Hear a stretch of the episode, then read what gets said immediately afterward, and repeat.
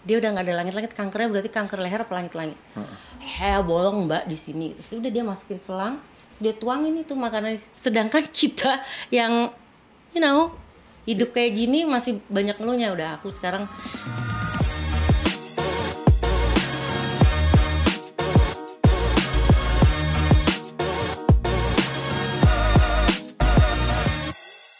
doa oleh Khairil Anwar kepada pemeluk teguh Tuhanku dalam termangu aku masih menyebut namamu Biar susah sungguh mengingat kau penuh seluruh. Cahayamu panas suci. Tinggal kerdit lilin di kelam sunyi. Tuhanku aku hilang bentuk remuk Tuhanku aku mengembara di negeri asing Tuhanku, di pintumu aku bisa mengetuk. aku Tidak bisa berpaling balik. Thank you banget. Wulan Guritno Keren banget. Tadi doa dari Hairil Anwar Membuka kebersamaan kita dengan Wulan Guritno. Iya. Thank you Mbak Wulan Untuk hadir di podcast Ruang Sandi. Thank you Mas Sandi So this is my me. gig now. Yeah, so Aku cool. kan- Woo. so Setelah- now, so so kekinian. kekinian. Karena kemarin ya belum berhasil. Ya sekarang eh, karena saya jobless jadi mesti ngisi tapi senang banget ya ini baca puisi bareng eh, Mbak Ulan there's always something new Iya, there's always something new. And kalau nggak berhasil di yang sebelum, kita dibukakan jalan yang sebelumnya kita nggak tahu, nggak pernah tahu kalau kita bisa, gitu kan? betul banget dan ini juga masih belajar dan saya hari ini mau Ba- bela- belajar tapi subscribernya udah hampir 500 ribu loh. Itu penghasilan berapa mas? udah kayak Mbak Imbo sama Atta Halilintar belum? belum lah masih jauh kita nih kalau di eh, YouTube eh, generation nih kita UKM Oh, Oke. kita masih merangkak gitu loh. Tapi hari ini saya mau belajar tentang hope, tentang harapan. Karena kalau ngelihat Mbak Wulan selalu keingetnya adalah I am hope. Yang saya pernah waktu itu makasih banget diajak kerja bareng sama Mbak Wulan. Dan Mbak Wulan ini tidak pernah menyerah untuk memperjuangkan harapan banyak sekali orang anak-anak bangsa lewat gelang hope bracelet Amin, of hope amin, ya gelang harapan ya. Dan eh, ini ada ah ini ada dia gelang hope nih di depan Iya. kita. Ini mulai tahun berapa ya kalau gelang hope berbarengan Jalan sama enam- jadi Oktober movie nggak? Enggak. Duluan Mo- ini? Duluan. Movie itu dua tahun setelah eh, gerakannya jalan. Jadi Oktober ini kita enam tahun. Alhamdulillah. tahun ya? Iya, enam Wow. tahun. Itu jadi gelang ini masih kita jual 100.000 ribu dan 100% proceed to cancer. Kalau yang Iya. hope Iya. gitu. Kemudian tapi kita ada pada uh, setelah setahun berjalan uh, kita ingin merambah area-area lainnya gitu. Gitu. Jadi ini udah berjalan alhamdulillah banyak masyarakat. Jadi ini bisa berjalan juga karena support masyarakat dengan membeli gelang 100.000 ribu kita bisa membantu orang gitu. Siapa yang paling pertama punya ide gelang nggak ada yang pertama sih jadi kita bareng aku Mandayana kita duduk bareng kita memang udah terpanggil untuk membuat sesuatu gitu Iya. kemudian kita ya brainstorming apa ya nah setelah uh, kita brainstorming itu um, kebetulan aku sama Yana udah punya anak gitu kita melihat uh, oke yang kita inginkan adalah kita ingin menyebarkan harapan Iya. kadang-kadang ketidakpunyaan harapan itu yang akhirnya membuat kita stuck dalam keadaan apa pun Iya. gitu nah kadang-kadang harapan itu mesti dipancing juga oleh uluran tangan orang. It could Iya. be anything, it could be a smile, hanya sebuah senyum gitu. Kita lagi kebingungan gitu, apa pun masalah kita, terus tiba-tiba di hari itu ada seseorang lewat yang hanya mengucapkan apa atau tersenyum, kemudian itu membangkitkan semangat kita lagi, akhirnya kita bisa melangkah lagi. Nah tapi kan banyak sekali nih gimana nih cara keluar pertamanya tuh bagaimana gitu. Akhirnya udah kita uh, berdiskusi karena kita ngelihat juga dari uh, tabel dan lain sebagainya kalau misalnya penyakit kanker ini adalah digabungkan penyakit-penyakit lainnya tetap uh, grafiknya paling tinggi Iya. gitu. Terus uh, di lingkungan kita juga memang banyak yang terkena kanker gitu. Kemudian kanker ini yang dulu katanya adalah hanya dari genetik tapi sekarang dari uh, bisa juga dari lifestyle. Sehingga kita pikir kalau dari lifestyle juga artinya bisa dicegah dong Iya. gitu kan dengan lifestyle gitu. Dengan At least ada cara gitu. Dengan hidup sehat, Betul. makannya yang bernutrisi baik. Betul dan um, kita juga banyak dengar um, percaya atau tidak percaya kalau cancer ini uh, bisa disembuhkan dengan 30% adalah penanganan yang tepat di waktu yang tepat. Tetapi kemudian 70%-nya adalah dari diri kita sendiri. Oke. Artinya itu harapan kan? Hmm. Sugesti kita atau apa. Ya kalau mau ngomong panjang Mas Andi, takutnya ada orang yang percaya nggak percaya tapi aku tuh masih percaya cancer itu ada hubungannya juga dengan emotional trap Ya. gitu menggerogoti dan akhirnya menjadi penyakit menjadi cancer gitu tapi itu akan panjang jadi akhirnya oke harapan yang akan kita sebarkan gitu Dalam bentuk gelang. dalam bentuk gelang Tapi jadi itu keren banget sih karena nggak terlalu lama sebelum itu, mungkin 2008an 2007 saya baca buku Obama ya, Ya. Audacity of Hope. Aha. Jadi bahwa memang ini adalah satu harapan itu bisa menjadi penggerak dan lokomotif sebagai eh, satu harapan itu bisa memicu harapan-harapan lain dan menjadi satu ice bowling ya, seperti bola es yang eh, menggulung ya. Dan kalau harapan itu makin banyak itu akan menggerakkan lebih banyak orang keren banget sih. iya harapan di hati dan projection Iya. untuk hidup kita ke depan kan nah kalau harapan yang nggak ada gimana gitu kan Iya dan kalau lihat kita lihat kan ya saudara-saudara kita yang um, mengidap penyakit kanker ya. Kan biasanya difonis CA gitu. Tiba-tiba kan mereka hilang ya. uh, orientasi. Saya baru aja kemarin temen datang juga difonis CA tapi sekarang kan ada treatment yang udah lebih canggih gitu. Terus dengan gaya hidup dia yang lebih sehat turun berat badan dan lain sebagainya ya itu membawa harapan sih. Ya. Keren banget. Jadi saya sama kita jadi akhirnya kan membutuhkan makin besar gerakan ini membutuhkan banyak lebih banyak pengrajin untuk mengepang ini kan. Tadinya awalnya eh, jadi kita juga recycle.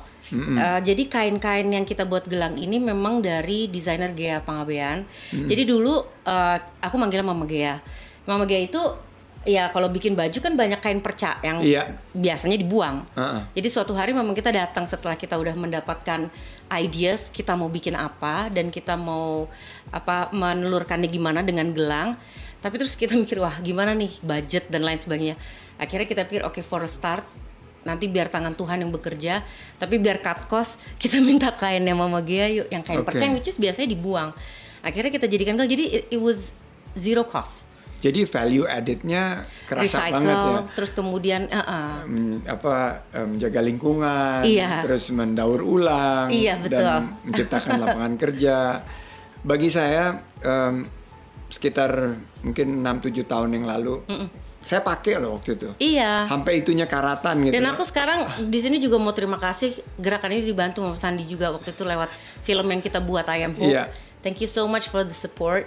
Ya, kita sih senang banget eh, bahwa ya kapan lagi dapat kesempatan Ya. dengan gerakan yang for good cause Ya. dan produknya keren banget. Jadi saya sama Nur suka pakai sampai yang saya bilang tuh sampai hope-nya itu sampai apa sampai karatan gitu loh. Sekarang karena kita ada yang baru nih uh, gold plated. steel. Oh gold plated. Uh, uh. Jadi Oh, ini lebih uh, cuman memang harganya lebih mahal. Oke. 250 kalau yang ini 100 karena Dan itu juga lebih dan mahal. itu semua disumbangkan ke Iya, dipotong cost pastinya. Kurang lebih berarti yang untuk disumbangkan kurang lebih 70% dari harga uh, itu. Jadi memang benar-benar cost. Oke. And operasionalnya dihitungnya 30%. Pasti ada orang dekat-dekat Mbak Ulan yang terdampak kanker ya. Waktu memulai ini kan kepikiran juga. bener-bener di lingkungan aku as in um, keluarga enggak cuman kalau temen um, kalau aku malah ceritanya sedikit berbeda malah bukan cancer. Tapi akhirnya kita memang memutuskan mengambil suara untuk gerakan ini untuk boost awalnya memang. Kan karena kita harus fokus nggak bisa kayak um, mau ini mau itu semua jadi nanti nggak fokus jadi nanti istilahnya kan walaupun ini sebuah gerakan brandingnya kan juga harus bagus. Untuk untuk supaya orang bisa uh, notice awarenessnya juga uh, apa namanya jelas dan akhirnya kita juga bisa berbuat lebih. Kalau misalnya brandingnya juga nggak oke kan nggak bisa berbuat lebih juga karena kita yayasan yang mandiri. Dengan menjual ya kalau ada orang berdonasi lebih ya kita bisa berbuat lebih. Tapi kita mandiri dengan hanya menjual gelang ini sebulan biasanya kita hitung berapa pendapatan kita dan itu yang bisa kita bantu. Kalau lagi dapat banyak penjualan besar ya kita bisa membantu lebih gitu. Keren banget. kita udah ada room of hope juga. Jadi Room of Hope. Room of Hope itu di mana pasien kanker bisa belajar membuat gelang. Jadi sambil menunggu uh, giliran treatment, uh, apa pasien BPJS memang nggak mudah karena kan mereka juga dalam keadaan treatment itu kan juga lemas dan ya pastinya tapi rata-rata mereka semangat nah kalau mereka berhasil membuat gelang ini ini kita beli balik dari mereka lima Oke. ribu Lima ribu rupiah. tapi mereka harus latihan dulu jadi rata-rata malah semua pastinya tidak bisa bekerja kan Mas Andi? Kehilangan pekerjaan. Dan pendampingnya kan harus ada juga kalau Iya. penderita kanker. Iya. apalagi yang dari luar kota yang di reference ke rumah sakit mana gitu. Itu artinya kan kehilangan pekerjaan. Nah mungkin bisa menjadi sedikit tambahan uh, uang saku income gitu selama treatment gitu. Ya, memang keren. Udah di, pernah dihitung nggak dari gerakan ini 6-7 tahun yang lalu, termasuk film, berapa banyak uh, gelang penderita terjual kanker, oh oh, gel- gelang terjual dan berapa banyak penderita kanker yang tersentuh dengan gerakan ini?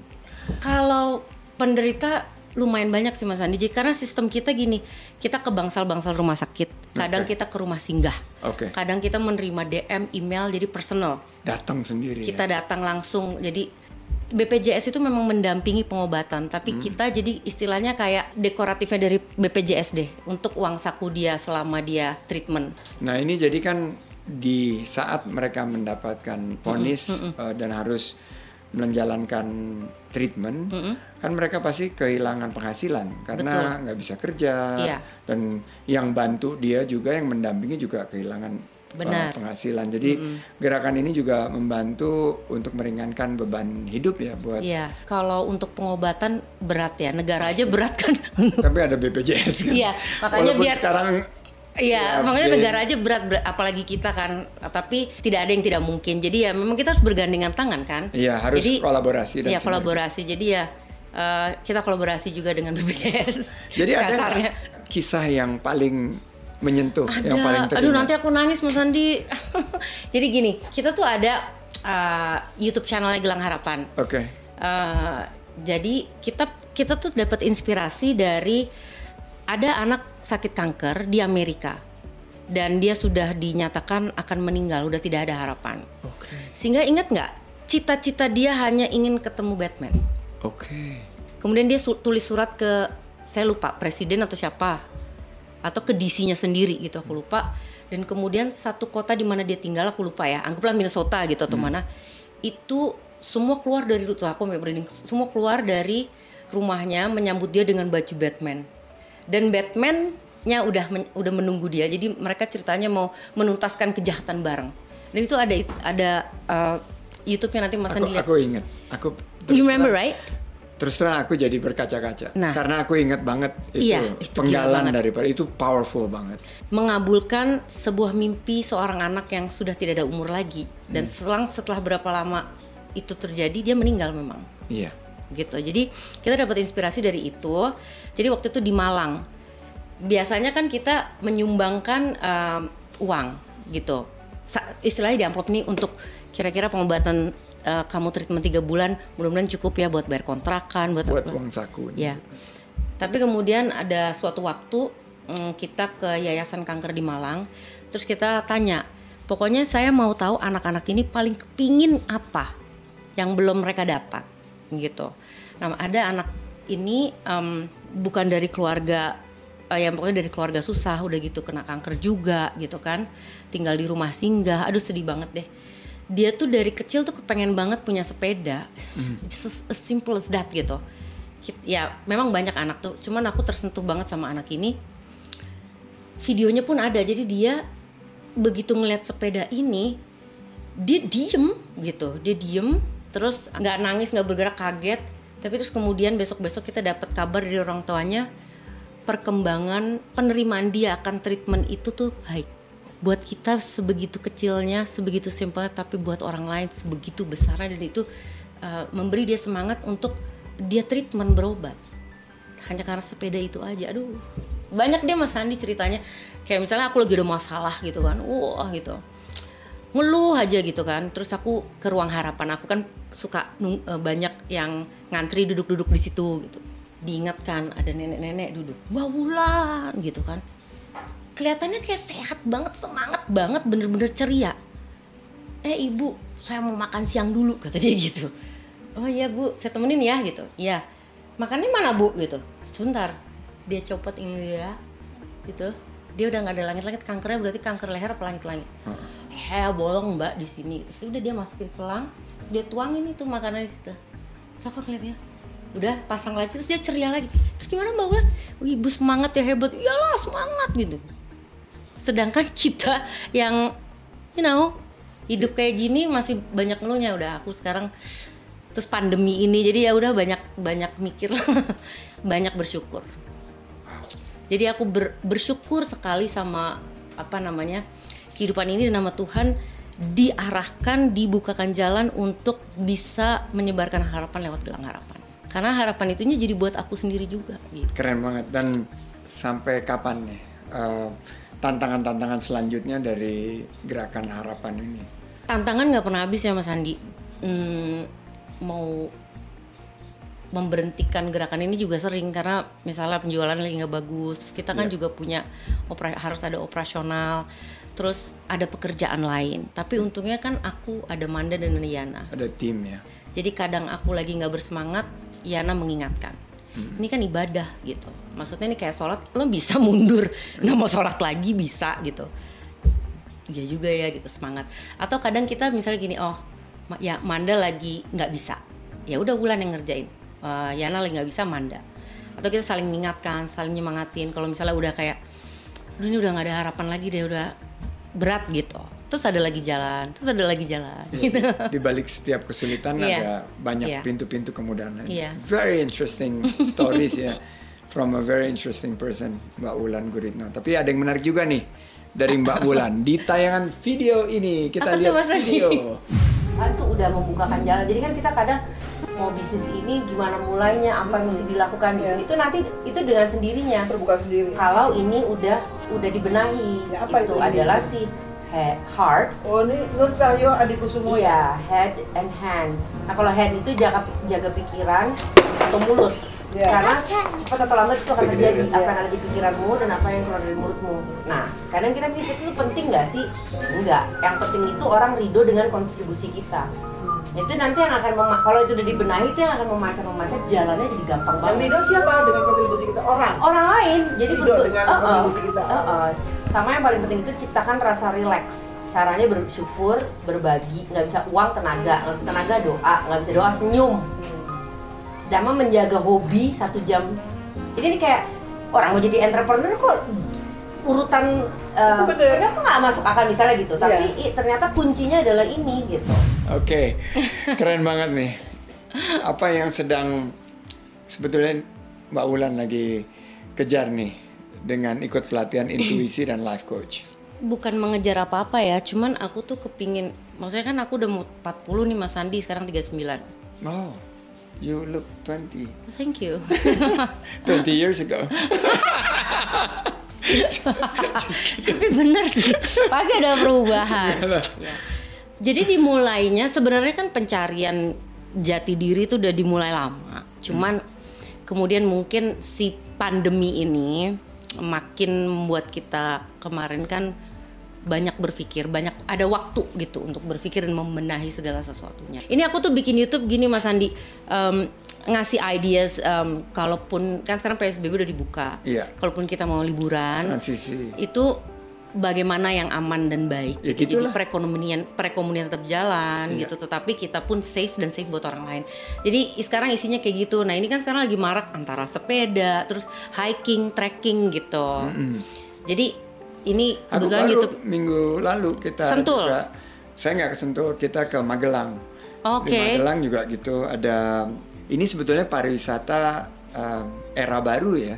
Iya, harus dipikirin, nature based Yes, tourism. iya banget. Terbuka, terus small group, Yes. jadi nggak ya nggak satu Berja- bus gitu. berjauhan dengan manusia-manusia lainnya. nggak satu bus satu mobil aja dan Iya. anggota keluarga kita jadi emang benar-benar model baru ya tapi yang didapat apa dari intuisi dan life coach Iya pasti semua orang mengalami sebuah proses waktu PSBB ini terjadi atau lockdown atau pandemi atau whatever you name it kemarin itu yang pada saat kita harus berada di rumah aja gitu.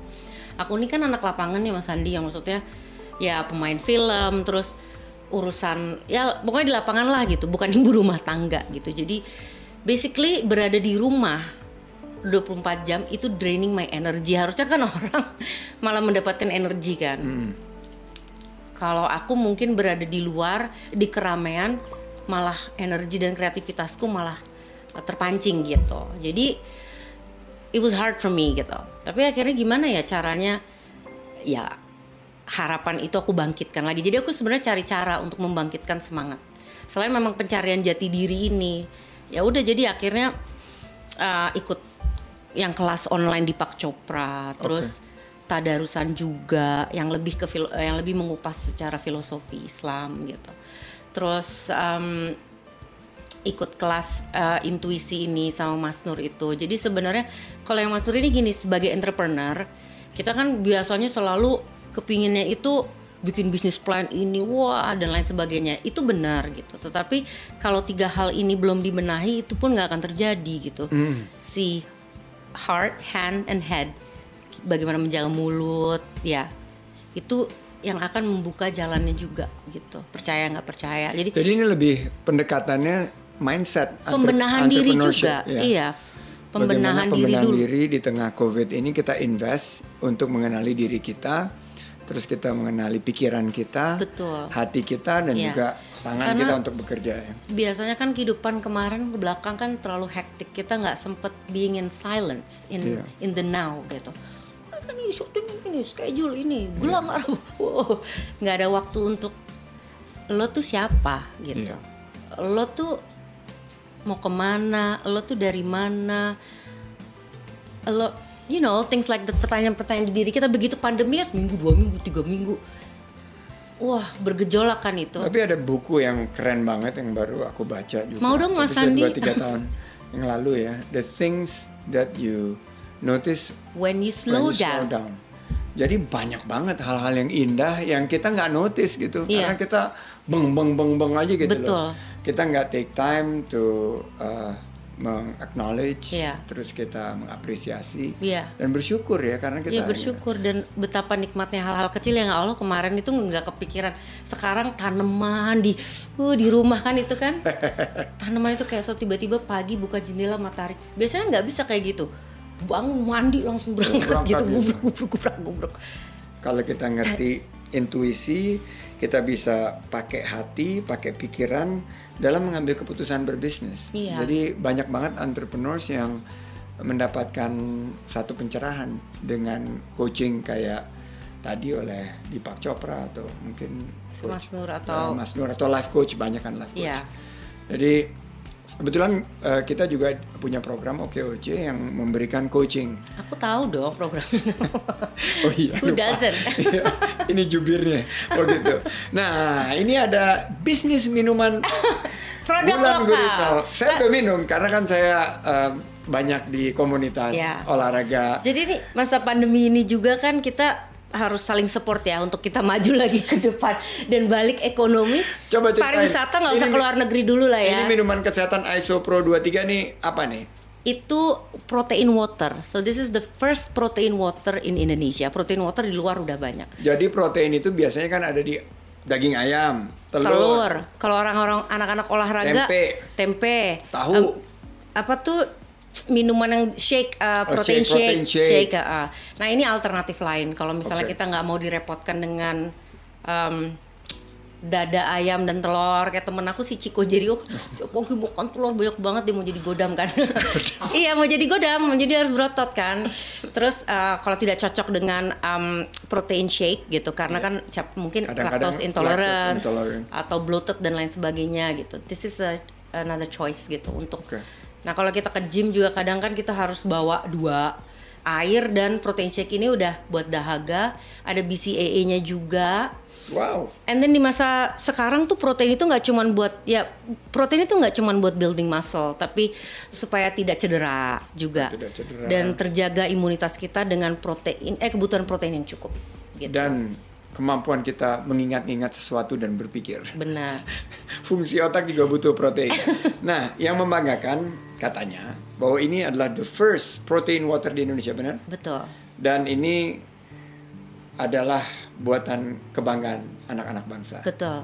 Betul ya? Food engineer-nya, food designer-nya semua anak-anak Indonesia yang um, sekolah di sini dan ada yang dapat beasiswa di luar karena kemahirannya dan akhirnya pulang bisa buat ini buat kita gitu. Acting iya, sekarang bisnis, gerakan gelang harapan, dan ini ada. Ini cari duit, Mas Sandi, ini pahala. Oke, ini cari duit ini Amin pahala. kalau dikasih terserah. Tapi dalam cari duit bisa dapat pahala karena buka lapangan kerja, Amin. gerakan ekonomi. Nah ini si gajah ini siapa nih? Ya seperti yang tadi ini Ria. Gajahnya Ria. gajahnya benar ada Mas Sandi di Tesoni Lorio, Oke. Riau. Waktu kita em, menjalankan gelang harapan, kemudian kita kok terpanggil lagi untuk melebarkan sayap ke lain-lainnya. Mm-mm. Salah satunya adalah ya ini Bracelet of Life. Bracelet of Oke. Life ini kemudian sebelum kita memulai memang kita tuh interested untuk lingkungan juga gitu kan punya anak gitu. Hmm. Kita pingin punya bumi yang sehat untuk anak-anak Anak kita. cucu kita, titipannya. Betul. Jadi akhirnya em, tapi kita nggak tahu ya seperti gelang harapan awal mau bikin eh, apa gitu. Akhirnya ya kita riset gitu. Kemudian ya nggak tahu tangan Tuhan membawa kita ke Tesonilo Riau. Kita Riau. tiga hari di situ. Aku lahir di Riau. Iya. Mm-mm.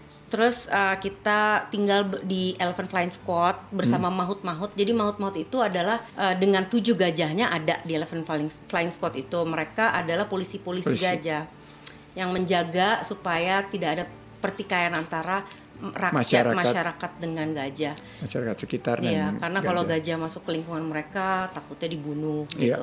Karena ketidaktahuan juga gitu. Iya. Jadi bukan karena kesadisan atau apa juga karena ketidaktahuan. dan gitu. mengganggu ladang mereka atau Ya, sawah. dipikirnya gajah kan mengganggu ladang. Padahal gitu. kan gajah pikir ini tempat Rumah. saya jalan. Iya, tempat saya jalan gitu. Jadi gimana gitu. Tapi eh, karena em, pengetahuan yang tidak tahu kalau kita itu semua berkesinambungan, membutuhkan Iya, satu sama lain untuk pasti. kelangsungan bumi. Nah, itu mungkin jadi ya PR lagi gitu. Jadi ya ini terinspirasi dari Ria yang berada di Tesonilo dan eh, penjualan dari si Ria dan Mahut. Jadi Mahut-Mahut Oh, jadi- mahut ini. Ya, mahut dan mahut-mahut di sana setiap dia mengendarai gajah untuk eh, patroli, Patroli. ya. selalu menggunakan ini. Jadi kita dapat inspirasi dari situ. Taruh di leher atau untuk nutup ini dari debu Oke. atau dari udara dingin atau kepala gitu. Oke. Nah, ini penjualan ini memang waktu itu kita Ini motifnya juga dari Tesonilo ya. bukan ini inspirasi. Sumba, kayaknya Oh, Sumba ini ya? Sumba, iya. Oke, wah keren banget. Jadi itu buat itu untuk eh, operasionalnya Elephant, maksudnya membantu operasional Elephant eh, Elephant Flying Squad tersebut kalau ini. Gitu. Jadi ini udah jadi passionnya Wulan ya. Selain acting, kalau Iya. disuruh pilih kegiatan non-profit, kegiatan profit atau acting, ini terbagi tiga gitu. bisa jalan beriringan kok Mas Andi. Bisa, nggak perlu pilih mana ya. No. You still love them all. Iya, eh, acting itu eh, selain passion itu udah jiwa raga aku juga sih. Aku juga sekolah kan waktu itu ada ada cerita di balik itu waktu aku pertama kali main sinetron itu sinetron remaja pertama Pondok Indah. Iya. Ikut-ikutan Beverly Hills lah. Iya. Eh, orang tua marah gitu karena abis itu udah ada tawaran gak fokus sekolah. Kebetulan mama papa kan cerai. Jadi udah nih anak dikirim aja ke Inggris ke ibunya biar jauh dari dunia entertainment Indonesia. Suruh selesaiin sekolah dulu gitu. Akhirnya aku menantang orang tuaku. Iya sekolahin aja bayar aja. Mahal kan gitu. Tapi aku nggak akan masuk. Orang papa juga di sini sama Eyang gitu kan. Ah, apa namanya mama juga sibuk. Aku bisa aja nggak. Maksudnya sekolah tapi aku nggak nggak masuk gitu Oke. kecuali aku disekolahin di performing arts gitu jadi akhirnya disekolahin di performing arts di London jadi Oke. akhirnya eh, ya mungkin karena ancaman itu tapi I hope they're proud of me now I hope nggak tahu belum pernah tanya Pastilah. Pastilah. Orang tua pasti ngelihat hasil kerja ini. Nah, sebelum kita membahas lebih jauh tentang acting-actingan, kita mau main games. oke yay fun Selalu di podcast Ruang Sandi, we have games for you. Are you ready? Ulan Ready. Guritno? Nah, Mbak Ulan Tapi ini Guritno game- ini kan gamesnya nyantai banget. Oke. Gamesnya lucu-lucuan aja dan boleh kompetitif, tapi dengan uh, prosedur-prosedur yang uh, sesuai dengan kaidah-kaidah. protokoler covid Protokoler COVID. Nah, Mbak Ulan Garit Guritno ini kan lahir di London, Ya. England. Nah, memiliki darah UK. Nah, anaknya namanya juga London ya. ada yang namanya London Ada tapi aku malah yang setengah bule Sri Wulandari loh Sri Wulandari. Jawa banget ya Jowo. Nah, Shalom anak pertama juga kuliah di London, benar ya? Baru Pas- lulus Mas Andi. Oh, udah, Tapi there is no graduation. Ya, karena virtual ya. ya. Virtual juga enggak. Enggak juga. Mungkin mau dialihkan bareng ke yang tahun depan. Jadi sekarang cuman sertifikatnya aja dikirim. Bareng sama, berarti Shalom bareng sama Atira. Em, tahun ini juga, tahun lalu Atira lulus juga. Kasihan ya Nomor maksudnya. satu. Mereka generasi yang betul-betul generasi corona lah ya. Iya. Karena lulus nggak dapat kesempatan untuk walk the walk. Iya. Nah berarti udah hafal luar kepala tentang London. Enggak juga sih. Nggak juga. Enggak juga. Ya, hafal lumayan. Nah, kalau saya kebetulan pernah sekolah eh, di New York area, Mm-mm. sekolah waktu itu summer school. Terus Amira anak saya yang kedua juga lagi sekolah di New York. Jadi Why saya did you choose New York? Why do you choose America, not Europe? Europe. Um, Eropa. waktu itu I don't have to choose karena memang di eh, beasiswanya ngarahinnya ke, Oke. ke Amerika gitu. Eh, dan waktu itu sebetulnya if I have to choose I wanna eh, study here di UI di Fakultas Ekonomi. Susah tuh masuk. Tapi eh, ayah saya waktu itu em, sedikit memaksa saya untuk sekolah di eh, Amerika. Tapi this show is not about me, it's about you. Oke, oke. Nah, games kali ini adalah London versus New York. Wow. Oke. Di depan Mbak Wulan ada gambar-gambar hal-hal yang berhubungan dengan London. Bisa lokasi makanan, tempat eh, wisata, tokoh. Nah, Mbak Wulan harus mendeskripsikan gambar tersebut supaya bisa menjawab. Nah, saya juga di depan saya ada all things about New York. Mbak Wulan dulu kalau gitu. London, wah saya harus I have to picture myself. in sebuah daerah hippie, gypsy place seru. Kalau datang tuh eh, banyak anak punk gitu, hippie, market, market paling terkenal deh, Oh. market ah, paling terkenal. eh, Tahu nih dekat LSI nih. kita aku bisa cari barang-barang unik di situ, Iya, iya. Hmm. barang-barang hippie, gypsy. Aduh. Kalau di Boston namanya Quincy Market, tapi di situ apa ya namanya? Ini kayaknya New York aku juga nggak bisa jawab semua deh. Nyerah. Camden Market, Camden Town. Camden Town. Oke, skornya 0-0. Sekarang saya. Kan katanya kamu eh, Mbak Wulan performing arts. Broadway. Bukan. Salah. Ini tempat yang menjadi referensi um, anything about art. York Film Academy. Bukan. Ini sebuah tempat yang mengumpulkan koleksi-koleksi seni terbanyak di New York. New York Art Museum. New York. Aku belum ke sana masalahnya New York. Oke, karena udah lumayan dekat, ini namanya MoMA, Oh iya, Metropolitan Museum of Art.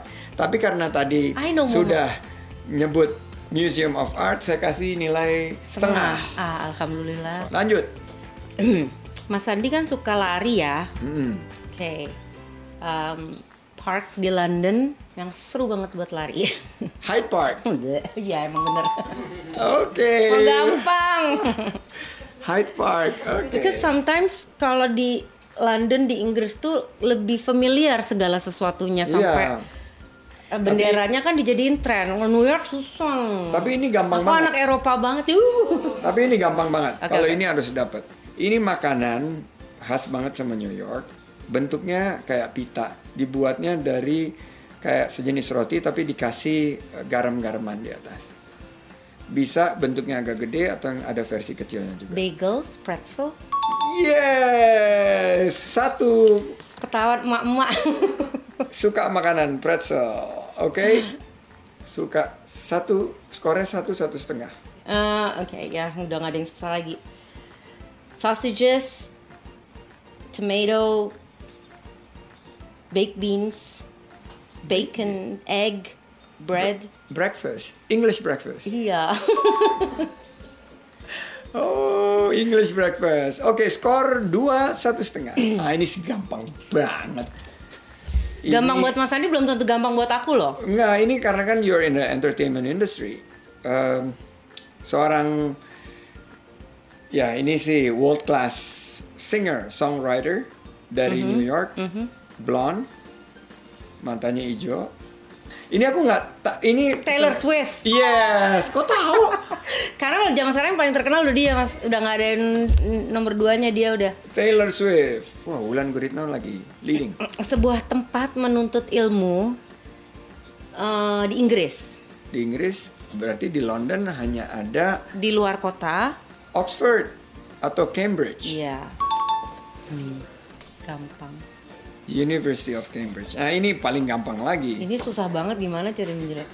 Ini adalah eh, jembatan salah satu yang tertua di mungkin yang tertua di New York yang menghubungkan kota New York dengan dengan Bridge aja deh. ya yang menghubungkan Brooklyn Bridge. Yes, pinter juga. Brooklyn Bridge. Ini keren banget Brooklyn Bridge. Skor tiga tiga setengah. Ya akhirnya games ini dimenangkan seperti biasa Ya, di podcast deh. Ruang Sandi. Enak Uh, Mbak Ular menang. Yeay. Yeay, tetap. Kita lanjut ngobrol lagi nih. Ya, Ini masalah acting. ya. Em, acting itu kan saya kebetulan di em, sisi politik ya di pelayanan publik dan ac- acting itu em, salah satu yang paling kalau dilihat ya untuk seorang politisi itu em, sangat sulit dilakukan karena ya Really? kita betul kalau seorang politisi yang true from the heart Yes. itu akan sangat sulit gitu loh untuk Benar. melakukan because they are doing what they love and loving Iya. what they do. Walau ada tuntutan dan ini tapi nggak Dia bisa berpura-pura iya, gitu apa ya. adanya aja gitu loh dan rata-rata politisi yang saya kenal seperti itu yang sukses-sukses tuh biasanya eh, selalu apa adanya bukan ada apanya. Nah Iya, untuk benar. em, untuk Mbak Ulan sendiri acting itu seberapa pentingnya dalam eh, penciptaan satu ya karya seni maupun di dalam kehidupan Mbak Ulan sendiri. Aku tahu dari early stage aku kalau I want to be uh, di dunia seni peran gitu. Aku udah interested dari sekolah udah ngambil ekstrakurikuler drama gitu. It's just not about seni peran atau uh, performing atau just an acting buat aku gitu. Tapi this it's a lot. It's like bisa berada di sebuah pekerjaan yang bisa membuat kita lintas waktu.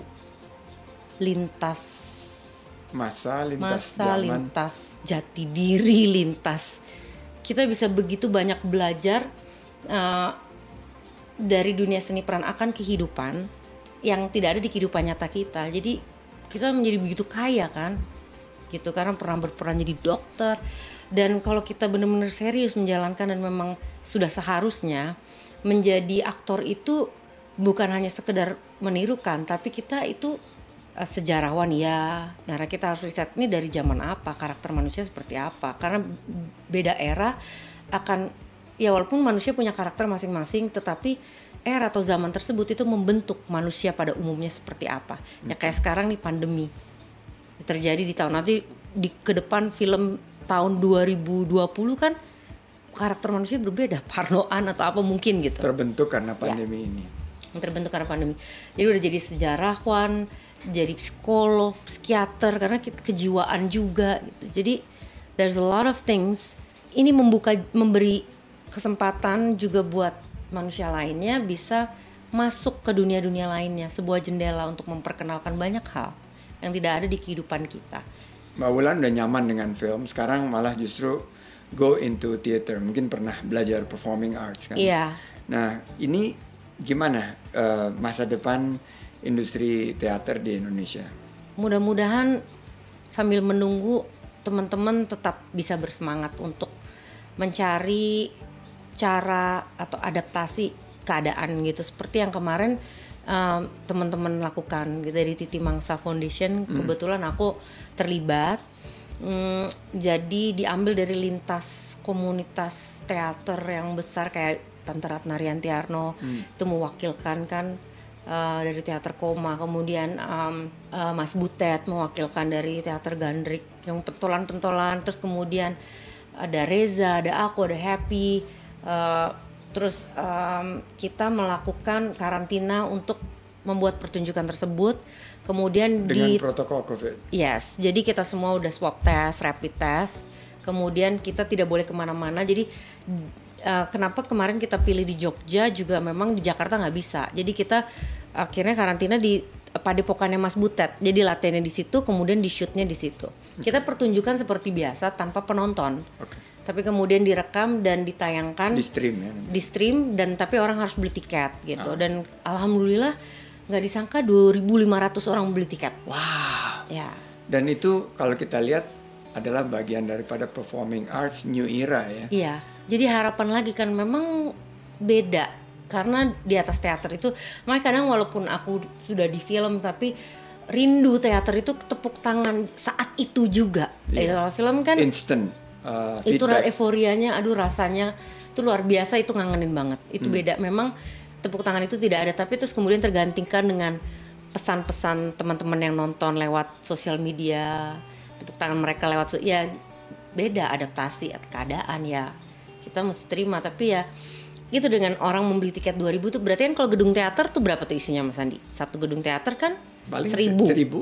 Itu berarti yang di situ. Ya, berarti Taman kita kalau- dua dua hari tuh kita full house. dua hari setengah lah ya. Pertunjukan kita full house. Dan mereka bayar ya gitu berarti kan mereka apresiasi Iya. banget ya. Memang sebenarnya sedih banget Mas Andi karena pertunjukan teater sen- sendiri it's still struggling here. Ya kan? Gitu. Tapi- Hmm. Tambah COVID, ya. Ya nggak cuma teater aja pasti pertunjukan musik gitu, Iya. film. Film ya ya bioskop belum dibuka, cuman kemudian kita ada OTT. Mungkin Hmm. itu bisa di menjadikan uh, satu wacana untuk yang yang udah filmnya jadi terus kemudian mungkin tayang di OTT dulu atau gimana gitu. pertanyaan penutup karena tanpa disadari kita udah way Ya ampun masa time-nya nggak sudah berasa ya, lewat Andi? banget. Tapi I gotta ask you this, arti pengembangan diri untuk Mbak Ulan itu apa? ya penting mas Adi kita memang sebagai manusia yang masa kita nggak mau develop lebih menjadi manusia yang lebih apa pun itu lebih baik jadi ibu yang lebih baik istri yang lebih baik uh, umat yang lebih baik pertemanan yang lebih baik dalam pekerjaan yang lebih baik kita makin grow makin berkembang makin matang dalam segala hal gitu masa kita mau stagnan atau So you believe in investing in yourself? ya investing in myself and then putting myself sometimes in a hard position gitu Ya. to grow, to learn. Bisa berhasil, bisa enggak. Tapi dari apa pun yang kita jalankan, kalau menurut kita nggak berhasil, tapi at the end of the day, kalau kita udah melakukan itu pasti ada hasil entah apa gitu untuk mengembangkan diri kita sendiri. Ya kan belajar itu adalah Ya. bagian daripada lifelong proses ya. Jadi penting, sangat penting. Thank you banget Mbak Ulan. Thank you for Udah having me. eh, nyempatin di podcast Ruang Sandi. Pendengar podcast Ruang Sandi, ketika diri sudah penuh, misalnya udah jago acting, udah jago bisnis, glung glung glung glung, udah jago marketing, kita lupa untuk mengosongkan diri lagi dan mengisinya dengan pembelajaran hal-hal lain. Dari sosok Mbak Ulan kita belajar membuka pikiran dan hati selebar-lebarnya untuk pengembangan diri. Belajar hal baru lagi. Belajar jadi manusia yang lebih baik dari manusia sebelumnya. Jangan lupa untuk subscribe, like, comment, dan share podcast Ruang Sandi. Nanti dibantuin ya. Iya Mbak dong, harus. Dan terima kasih sekali lagi Mbak Wulan. Thank you And for having me. Congratulations dan semoga uh, Gelang Harapan dan Ruang Harapan dan semua yang berkaitan dengan menginspirasi masyarakat terus berjalan. Sukses for the new product dan sukses for your acting and Thank theater you. career. Thank you. Terima kasih sekali lagi dan sekarang waktunya untuk foto-foto.